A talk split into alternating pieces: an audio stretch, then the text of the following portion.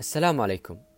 أنا بهاء قباعة راح أقدم لكم بودكاست عبر. هنا حيث تعبر الروح عن شعورها وإحساسها حيث تلامس القلوب وتخاطب العقول. معظمنا إذا مش كلنا عنده أحلام وأماني فلو ظهر فجأة مارد علاء الدين. من الطبيعي كل واحد يختار ثلاث أمنيات. يمكن يطلب أنه يصير أثرى رجل في العالم. أو إنه ياكل وما ينصح. أو إنه ينام أول ما يحط راسه على المخدة. أو حتى ممكن يتمنى عدد لا نهائي من الأمنيات. ولكن مع الأسف قصة علاء الدين هي قصة خيالية ولا تمت للواقع بصلة. فالعالم الوردي والخيالي اللي عشنا فيه في طفولتنا أحلامنا وأمنياتنا يبعد كل البعد عن العالم الواقعي. ففي العالم الواقعي لا مجال للأحلام والأمنيات هناك فقط الأهداف والطموحات ويقابلها الفشل والفشل والفشل والفشل والفشل ومن ثم النجاح. فنلاحظ أن العالم الوردي أسهل بكثير من العالم الواقعي. ففي العالم الوردي نتخيل الشيء ونستمتع بذلك ثم ننسى. أما في العالم الواقعي فنحن نخطط ومن ثم نسعى فنفشل. ثم نصحح أخطائنا ونحاول مرة أخرى وربما نفشل. فنصحح أخطائنا ونحاول من جديد وأخيرا نصل إلى ذلك الطموح أو نحقق ذلك الهدف.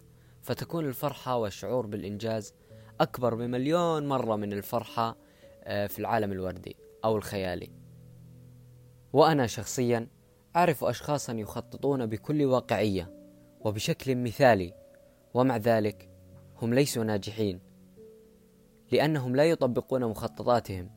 هم يخططون ويكتفون بالاستمتاع بذلك التخطيط فتراهم يقولون أنا سأصبح ثريا في المستقبل دون أن يفعل أي شيء يوصله إلى الثراء.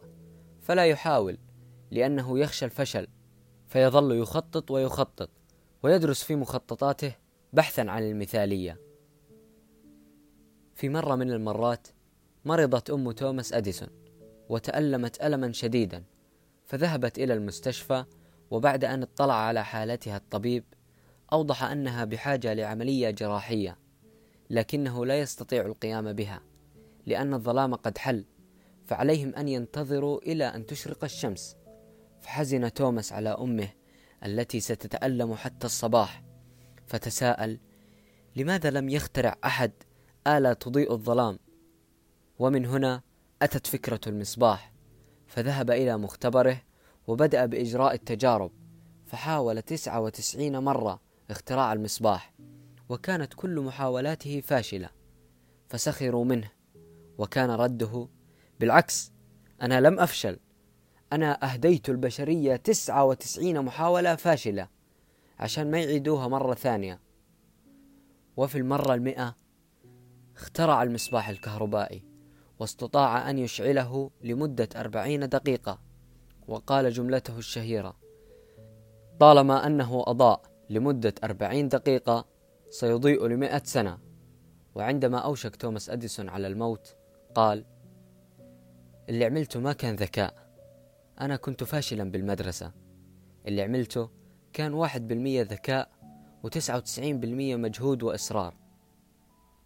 إذا نحن لا نحتاج الذكاء لكي ننجح. كل واحد فينا عنده الذكاء اللازم للنجاح. نحن نحتاج للمجهود والإصرار والصبر الكثير من الصبر. ومثال على ذلك الطالب النيرد أو المتفوق. من الممكن أن هنالك طلاب أذكى منه بكثير ومع ذلك فهو متفوق عليهم بجهده واجتهاده ومواظبته على الدراسة. وأنت يا عزيزي المستمع تستطيع أن تحقق أحلامك بقليل من التخطيط وكثير من السعي والمثابرة. فلا تدع أحلامك تصبح أحلاما. كان معكم بهاء قباعة بودكاست عبر.